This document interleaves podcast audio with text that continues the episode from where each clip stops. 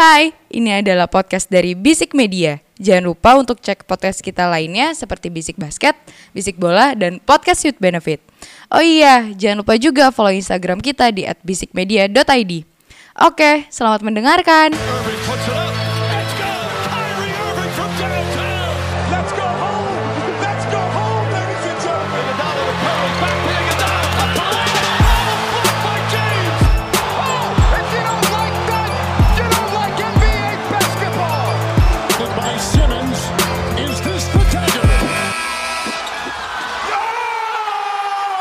Welcome back to Basic Basket, podcast putar basket NBA dan juga dalam negeri yang dibahas secara santai sebagai pecandu basket. Candu, candu, candu.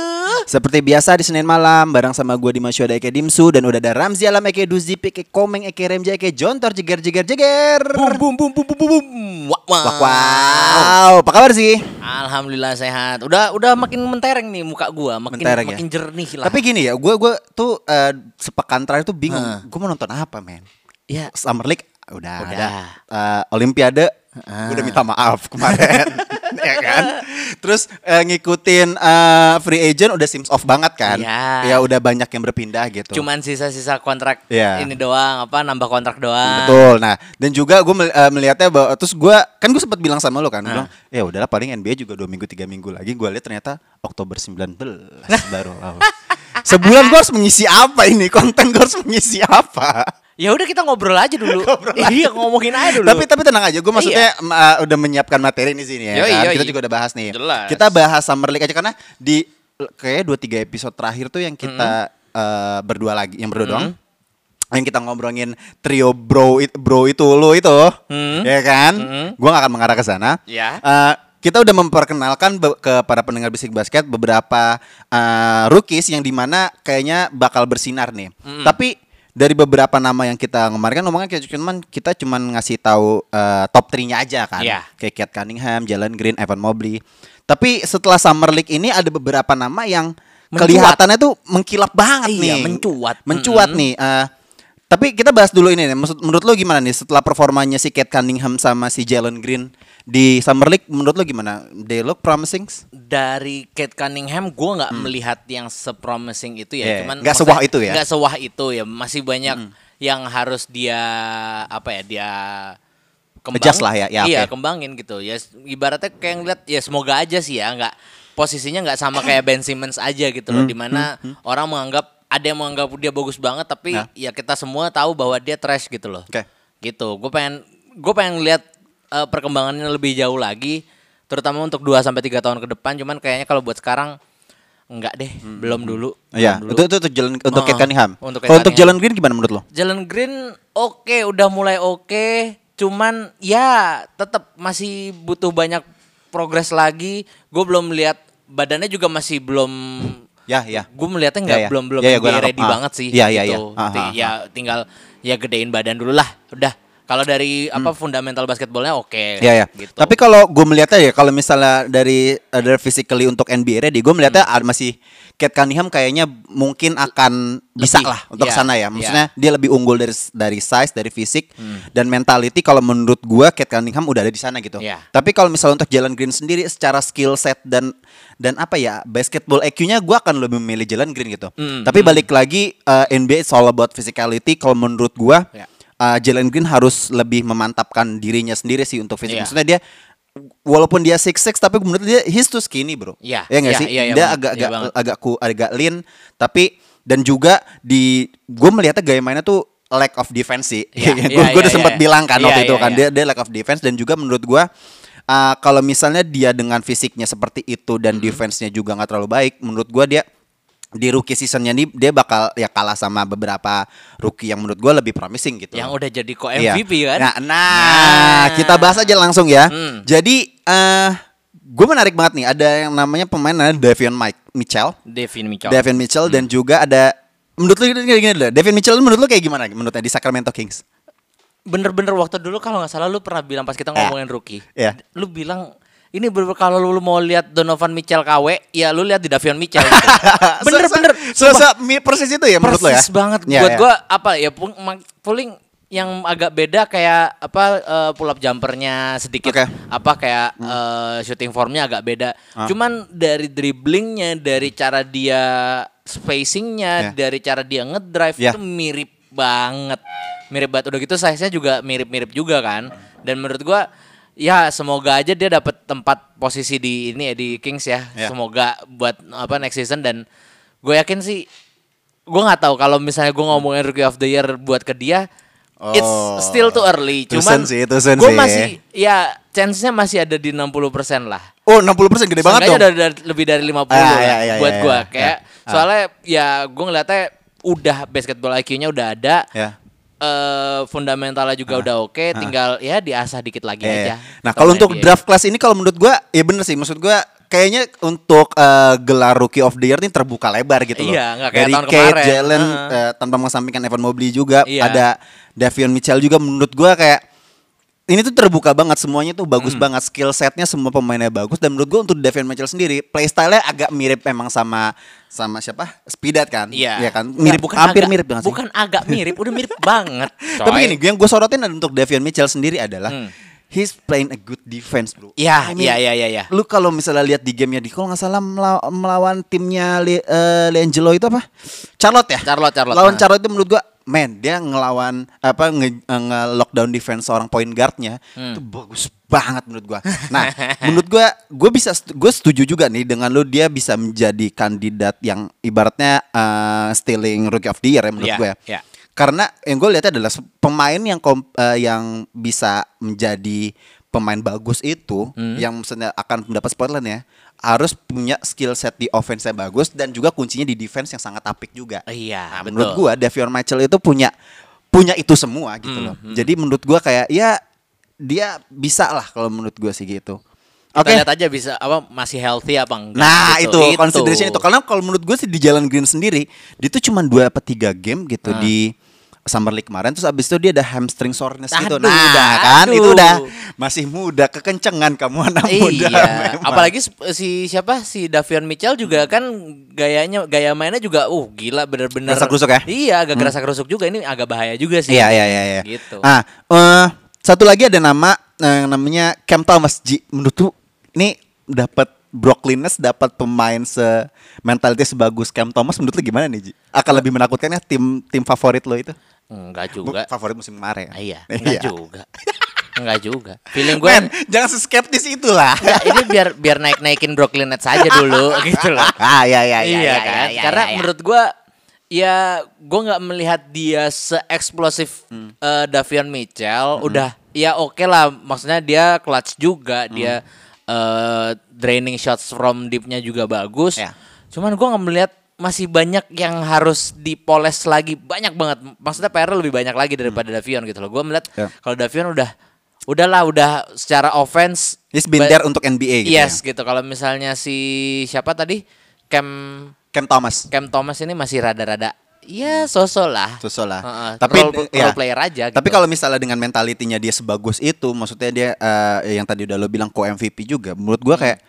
Kayak kayaknya nih dia bisa contribute more gitu dengan Iya, iya, dengan keterbatasan eh, squad yang ada di Brooklyn Nets gitu. Iya, yang pasti, kita tahu pasti. sendiri ketimpangannya dengan yang big three-nya dengan para bench playernya gitu. Hmm. Menurut gua sih kayak Cam Thomas bisa feel untuk kekosongannya bench itu gitu. Iya, kayak iya, kemarin kita jelas. ngeliatin ada jam ada Claxton apa siapa? Nicola Claxton. Nicholas Claxton, habis itu ada Mike James Mike juga. James, Mungkin kayak kayak gitu-gitu loh. Ini Brown, Brown, Bruce Brown. Bruce Brown kayak gitu-gitu. Maksudnya kayaknya bakal bisa nge-feeling itu semua Yes, gitu untuk yes. Nets sih. Oke, eh, well sih lah. Gue tuh kayak ah, gue bingung gitu ngisi ngisi eh, kekosongan NBA ini apa Iya. gitu loh. Kita bahas summary eh, trade lagi deh. Ayo, ayo, ayo. Untuk yang pertama nih, lo mau ngomongin Pat Bev dulu apa Schroeder dulu? dua-duanya sampah lagi. Enggak save the best. Go ahead. Save enggak Eh. Kak, Kak, kalau kalau di perumpamaan itu kan kalau apa kata ungkap ah, kok ungkapan sih? Apa? Pokoknya kalau kata-kata pepatah itu Pepatah. bilangnya kan save the best for the last. Iya. ya. Kalau ini save the worst for the last. Berarti oke. Schroeder dulu. Berarti gitu ya. Based on alfabetik kita mulai dari Dennis Schroeder dulu aja Iya, kali iya, ya. iya, iya.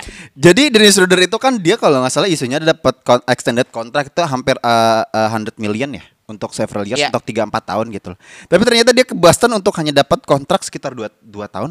I must Iya, say. iya. I forget. Dua- Iya, dua- pokoknya dua- untuk dua tahun. sekian tahun dah. Dan drop banget dari jumlah kontrak yang ditawarkan Iya, jadi sama Lakers. Satu koma. Eh, apa? Iya, pokoknya Ya, segitulah ya pokoknya. around segitulah. Menurut lu sen- sendiri eh pantas nggak Schroeder untuk mendapatkan eh, nilai kontrak yang segitu gitu? Nggak pantas. Nggak pantas. Tapi kalau misalnya dia ngambil di Lakers, Ah, ah. ya pasti bakal di trade lagi gitu loh. Jadi ya Cuman untuk sign and trade. eh, iya sign and trade Ya, aja ya, gitu ya, loh. ya, Dan ya menurut gua ini dia ke mana jadinya Boston ya? Boston. Emang Boston kurang ajar sih. ya. Iya. Justru aduh aduh gua nggak ngerti lagi Gimana, kenapa, kenapa keresahan lu kenapa karena kenapa, kenapa dia pindah ke Boston kah? Atau Eh, emang gua emang melihat dari GM-nya ini langkahnya itu aneh buat gua. masih Danny Ainge nggak sih? Udah udah enggak ya? Iya, Iya, lu- iya, terus itulah pokoknya. Terus gua agak-agak aneh karena eh mungkin ini eh, pembahasan kita yang selanjutnya ya, di mana mereka juga ngambil Marcus Smart dan Patrick Williams III Ah, ah. itu mereka udah dikontrak dengan harga yang cukup tinggi buat gua. Si siapa? Eh Marcus Smart itu kalau nggak salah dia tuh 4 4, tahun deh kalau nggak salah. Ya, Terus tapi si kayak 60 atau 70 juta. Iya, dan si Robert Williams tuh 4 tahun 54 juta dan menurut Nah. gua ini agak-agak men lu 10 lebih gitu loh. Dengan kondisi lu Pat- Patrick Williams juga baru baru main berapa tahun sih? Ya, dan kalau menurut gue sih Patrick Williams kayak baru baru kelihatan ininya sih baru di pas di tahun bubble iya, kemarin, di bubble kemarin sih. Dan iya. menurut gua belum lu siap nggak lu kalau misalnya dia jadi bust gitu loh. Intinya gua belum melihat intinya langkah-langkahnya Celtics lah hari ini rada-rada belakangan ini rada-rada aneh sih. Iya iya iya. udah- Itu kayaknya menurut gue sih kayak paniknya lu kehilangan Ah, Kemba iya, sih? kehilangan Kemba fix Iya. banget dan mereka masih gue yakinnya sih karena gini. eh gue sempat denger di first take kalau nggak salah. Ah. eh mungkin dalam dua tahun belakangan ini itu kita bakal kita ngelihat bahwa eh, Jason Tatum dan Jalen Brown itu sebenarnya nggak cocok. Oh gitu. Either salah satunya harus lu buang karena Hmm. ya jatuhnya kayak kayak Sixers sekarang. Hmm. Ben Simmons sama Embiid tuh sebenarnya nggak cocok, Kak. bukan nggak bisa contending kalau misalnya mereka masih berdua gitu loh. Jadi lu harus lepas salah satu dan gue menurut gue eh kegalauan itu masih ad- masih terjadi di Boston Celtics. Ya Gitu ya ya oke oke. Nah, berarti dengan dengan adanya Schroeder di da- eh, dalam squad Boston akan lebih f up lagi nggak menurut lo? Atau emang ke ya Schroeder hanya menjadi pelengkapnya gitu loh. Untuk mem- gua- untuk untuk memperbaiki yang hubungan yang tadi lu bilang itu. Enggak sih. Menurut gue makin fakta sih.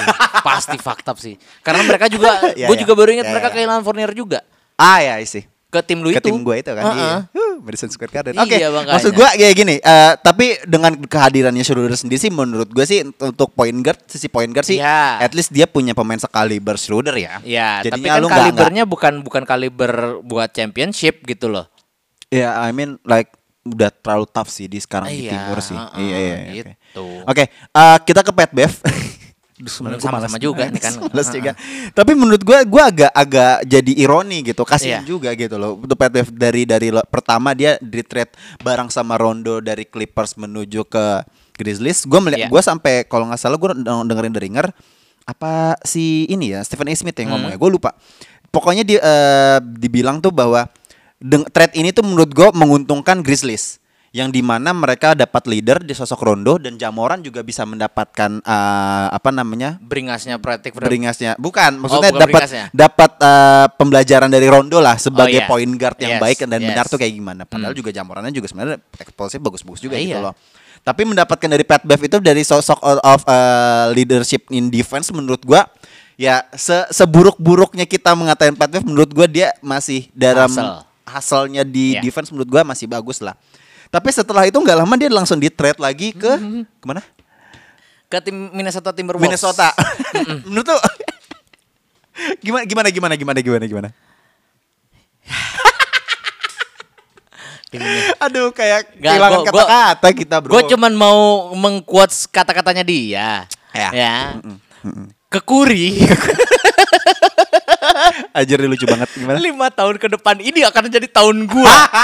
Mamam tuh lima tahun. Anda ditendang. Belum lima tahun ya kan, belum juga ganti plat itu kan, ya kan, belum perpanjang. ganti plat brengsek. Iya iya iya Belum iya ganti iya. plat, iya, udah iya, ditendang. Iya Iya. iya iya. Itu Dan- cicilan mobilnya juga belum lunas itu dia. iya makanya, gimana ya? Ya ya. Gua, gua agak-agak ya Minnesota Timberwolves juga menurut gua juga jadi makin gak jelas gitu loh. Udah ada D'Angelo Russell, ada Anthony Edwards juga di sana. Lu eh, guard lu, backcourt lu tuh udah udah sangat-sangat stack banget. Dan sedangkan lu nambahin Pat- Bev yang menurut gua wah ini ini ya Allah jangan sampai kejadian. Gue Iya, takut iya. dia sakit hati. Cuman Siapa? kayaknya dia bakal di trade lagi sih.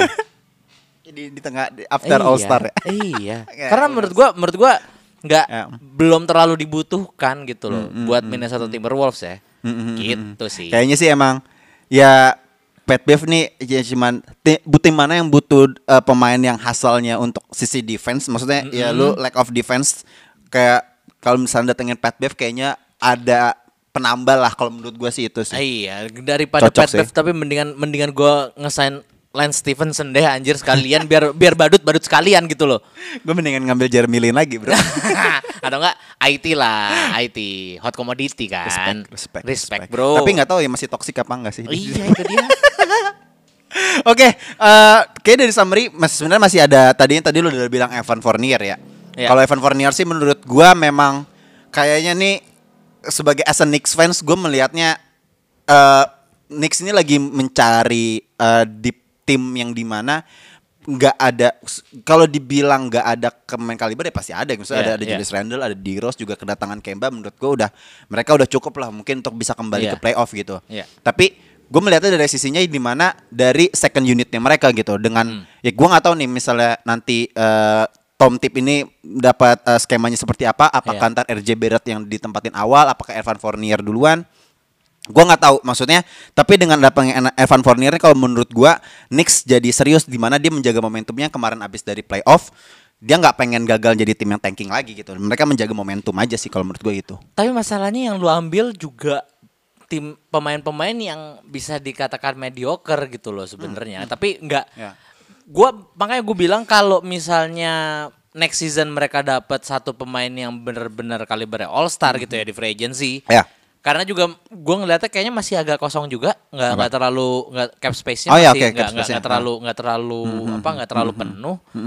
Eh, kayaknya masih gue yakin musim depan mereka bisa lebih ba- lebih berbi- bisa lebih berbicara banyak di playoff daripada tahun ini. sih. Nah makanya kalau ya ya ya itu itu sebenarnya juga menjadi keraguan gua gitu. Dengan yang tadi lu bilang hampir mediocre ya ya gue juga musim kemarin juga berharap ya udahlah gue sempat ngotot juga bilang udah paling musim musim ini lu cuman kemenang win- winning lose-nya tuh kayak 10 6 2 lu banyakan kalahnya Iya, gitu. Gue iya, iya. gue udah seskeptis itu gitu loh. Iya. Gue udah sepesimistik itu gitu.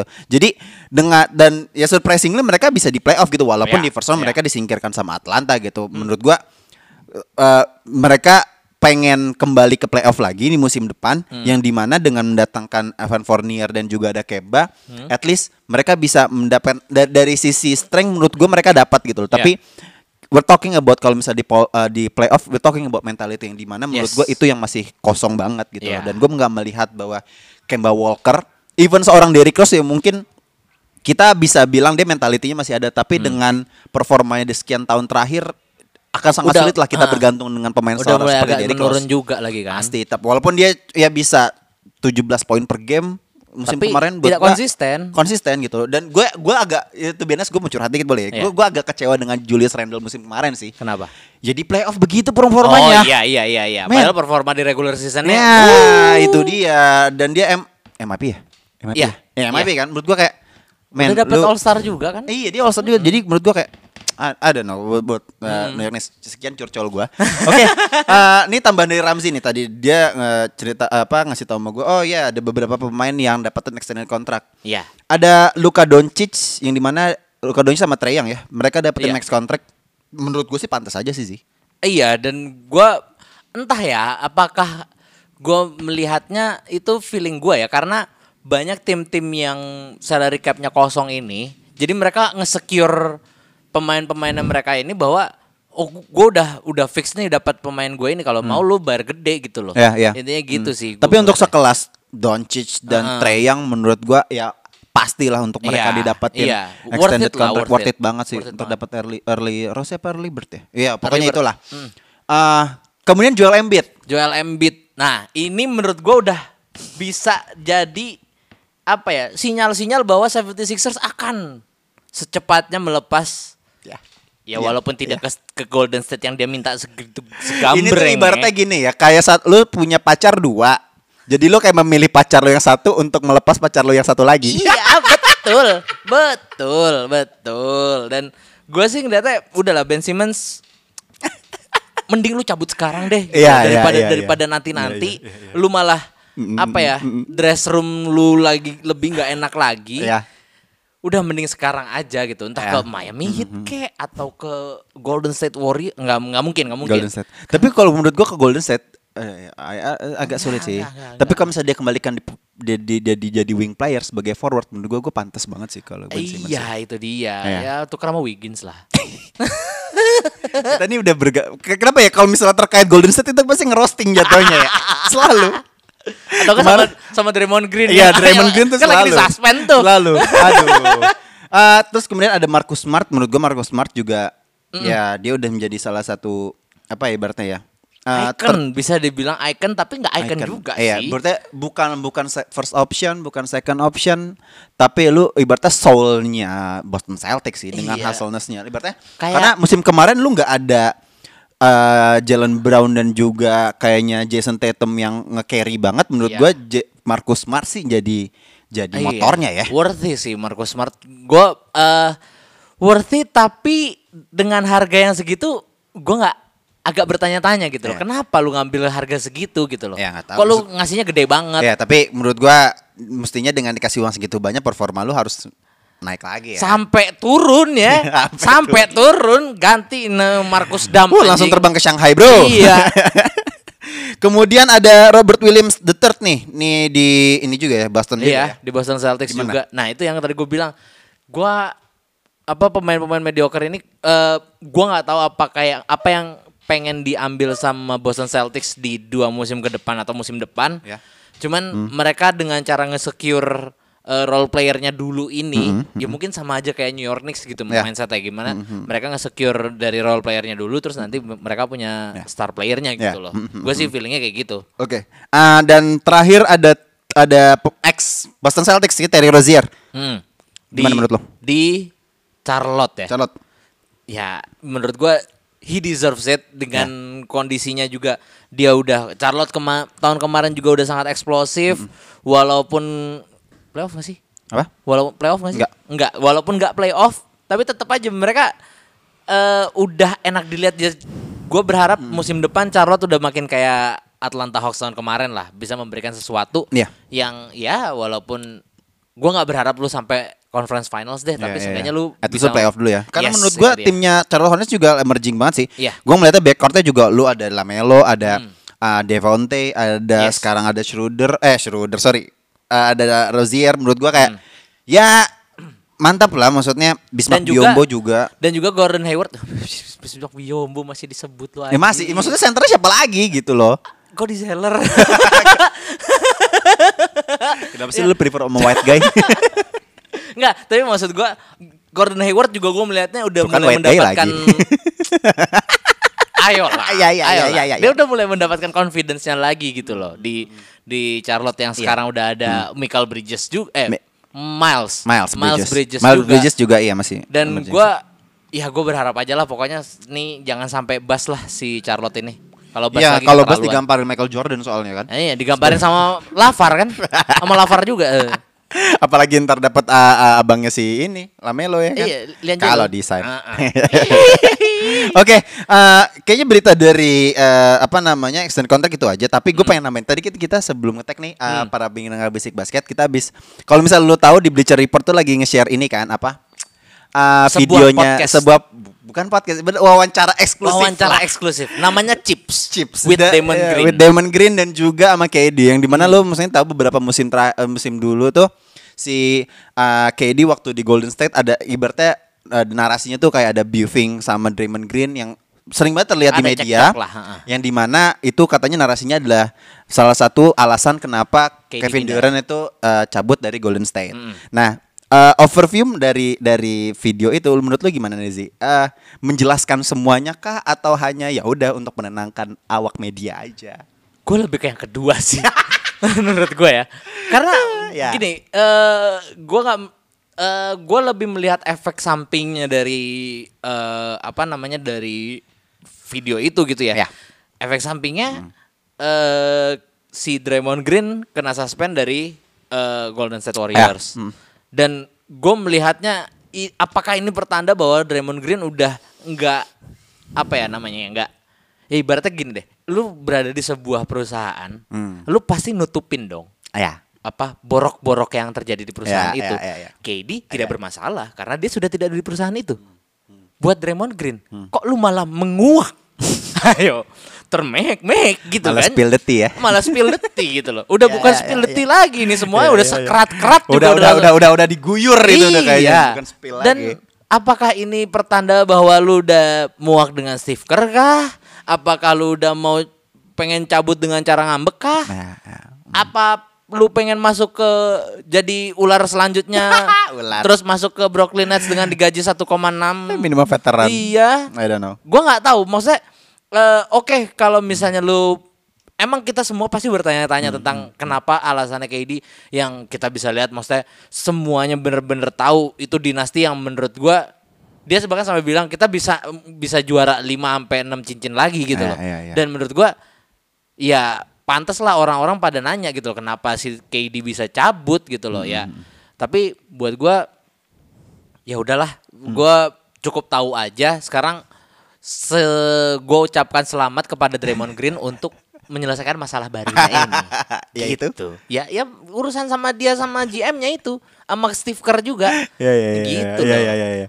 Nah, oke. Eh, dari tap- lu? Mm, Enggak, kalau buat gue sih mana ya video ini ya? Ya ya hanya untuk ya menenangkan media aja sih. Maksudnya Ah. kayak gua tahu di mana mereka ini pasti ya ya so, so, so sohib banget lah. Iya. So, sahabat karib banget lah buat Iya. gua kayak ya maksudnya kayak hanya ingin menyelesaikan aja sih. Mm-mm, Ya, dan- kita nggak tahu ya Unas maksudnya dibaliknya kayak gimana Iya. gua nggak tahu sih. Tapi Dan lagi gitu. pula beefing di dalam lapangan juga menurut gua ya sah-sah I mean, aja sih. beefingnya with your own teammates gitu. Iya.